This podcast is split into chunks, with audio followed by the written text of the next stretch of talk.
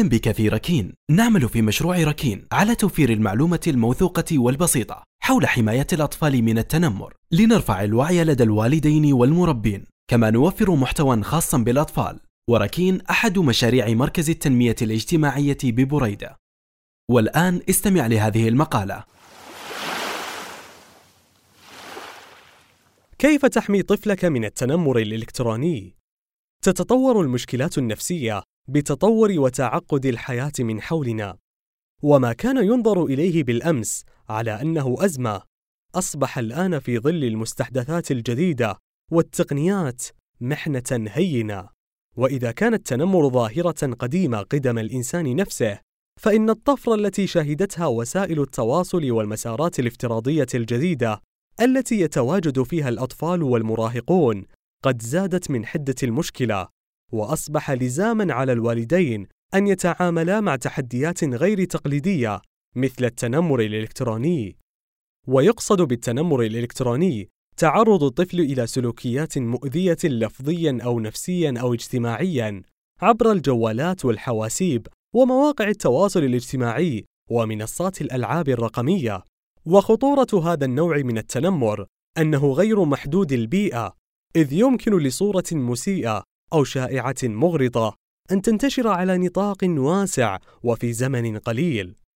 لكن الأكثر خطورة أن المتنمر الإلكتروني قد يختبئ خلف شاشته، فلا تعرف هويته، ومن ثم يظل مجهولا لا يمكن السيطرة عليه أو معاقبته وردعه.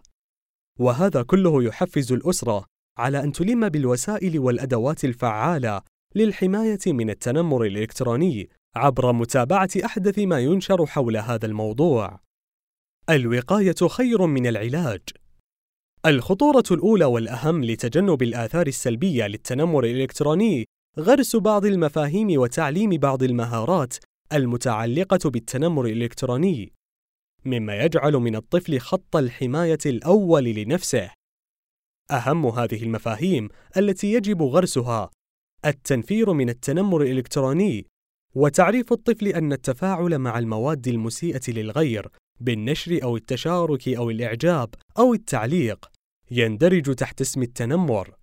ثم يأتي دور المهارات اللازمة مثل عدم مشاركة المعلومات الخاصة بالطفل والعائلة وعدم ذكر المواقف السلبية ونقاط الضعف على مواقع التواصل وعدم إضافة الغرباء إلى قوائم الأصدقاء وكذلك عدم التحدث إليهم في غرف الدردشة. انتبه لعلامات التنمر الإلكتروني. الخطوة الثانية للحماية من التنمر الإلكتروني تتطلب يقظة الأسرة والوالدين خاصة لاكتشاف العلامات الشائعة التي قد تدل على أن طفلهم عرضة لسلوكيات مؤذية باستخدام وسائل التواصل الحديثة. وأشهر هذه العلامات هي رغبة الطفل المفاجئة في التوقف عن استعمال الجوال والحاسوب. تراجع المستوى الدراسي وضعف التحصيل العلمي. الميل إلى العزلة والانسحاب من المواقف الاجتماعية. التوتر عند وصول إشعارات الهاتف أو الجلوس إلى الحاسوب. إغلاق حسابات التواصل الاجتماعي دون مبرر مقنع. الحرص على استخدام الجوال والحاسوب بعيدا عن رقابة الأسرة. العلاج. إذا حدث أن وقع الطفل ضحية للتنمر الإلكتروني فثمة خطوات يجب اتخاذها فورا منها ضرورة جمع الأدلة ضد المتنمر بتصوير العبارات المسيئة أو التهديدات أو الصور التي يستخدمها لتهديد الطفل. ثم التحدث مع طفلك لمعرفة ملابسات ما حدث والتأكد من أنه لم يتعرض لابتزاز أو إيذاء بدني. إذا كان المتنمر معروفا للأسرة، فيجب عندئذ التواصل مع والديه بهدوء ودون استفزاز مع تقديم الأدلة التي سبق جمعها وإدارة الأزمة في تكتم حرصا على سمعة الطفلين.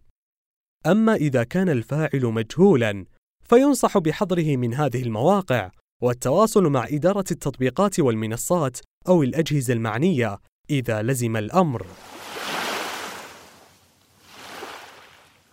شكرا لاستماعك. يسرنا متابعتك لحساباتنا في شبكات التواصل الاجتماعي.